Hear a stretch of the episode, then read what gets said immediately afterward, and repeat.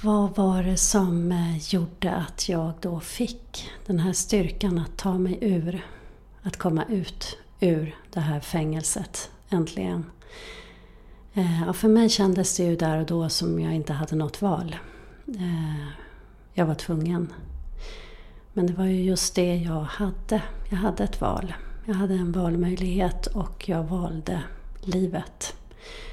Eh, det var min livslust som tog över helt enkelt. Min lust att leva.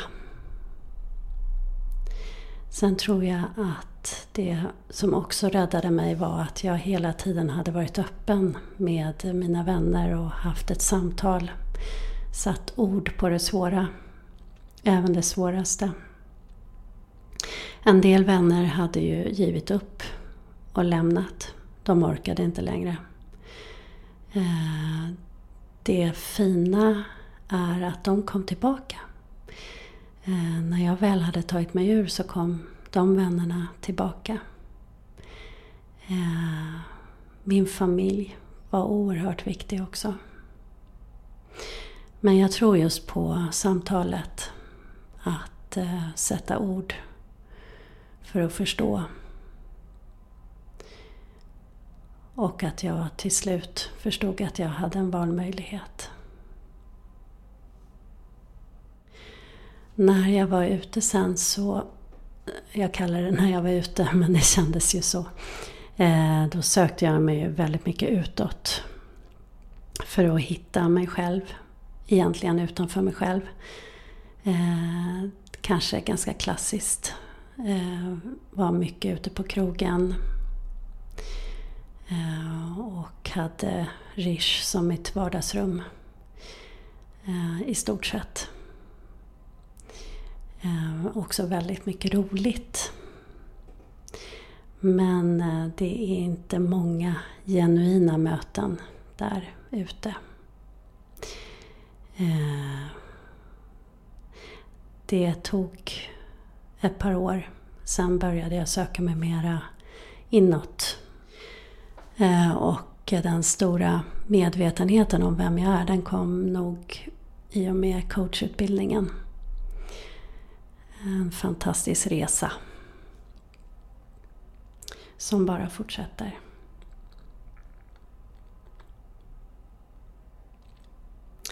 Apropå humor. Den där klockan.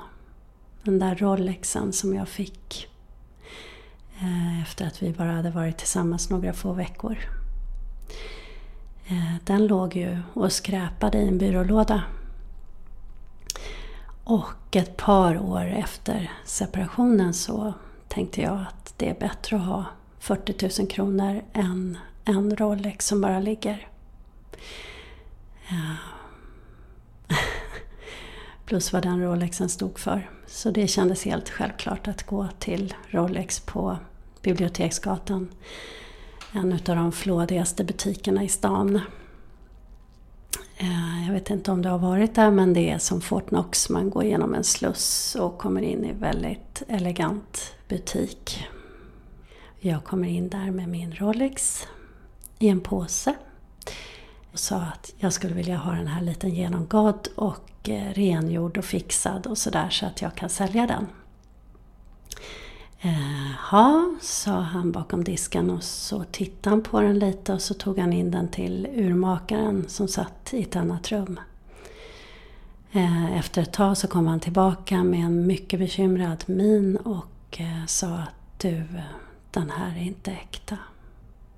Det här är en kopia. Och jag kände hur mina knän nästan vek sig under mig och jag blev jag var så chockad. Jag stod där och sa det bara, men jag har fått den där i födelsedagspresent. ja, jag är ledsen, sa han. Jag är jätteledsen. Men den är inte äkta. Nej, nej. Den var värd ungefär 50 kronor. Så att det här hade han planerat från allra första början på äkta psykopatvis.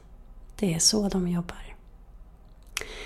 Eh, jag läste för en tid sedan en bok av Thomas Eriksson som heter Omgiven av psykopater. Och det är en bok som jag önskar att jag hade läst innan jag träffade den här mannen. Eh, jag gjorde en liten genomgång utav en lista där, där man med olika punkter där man kan se hur pass mycket psykopat är någon. Eh, det visade sig att han skårar väldigt högt på den listan. Han har allt det som en psykopat har. I stort sett. Psykopater är oerhört skickliga på att sikta in sig på din svaga punkt. Och de släpper inte taget förrän de har sugit ut maximalt ur dig. Eh, är du sådär lite osäker på om du har en psykopat framför dig eller om du anar att det här är en psykopat, spring, säger jag bara.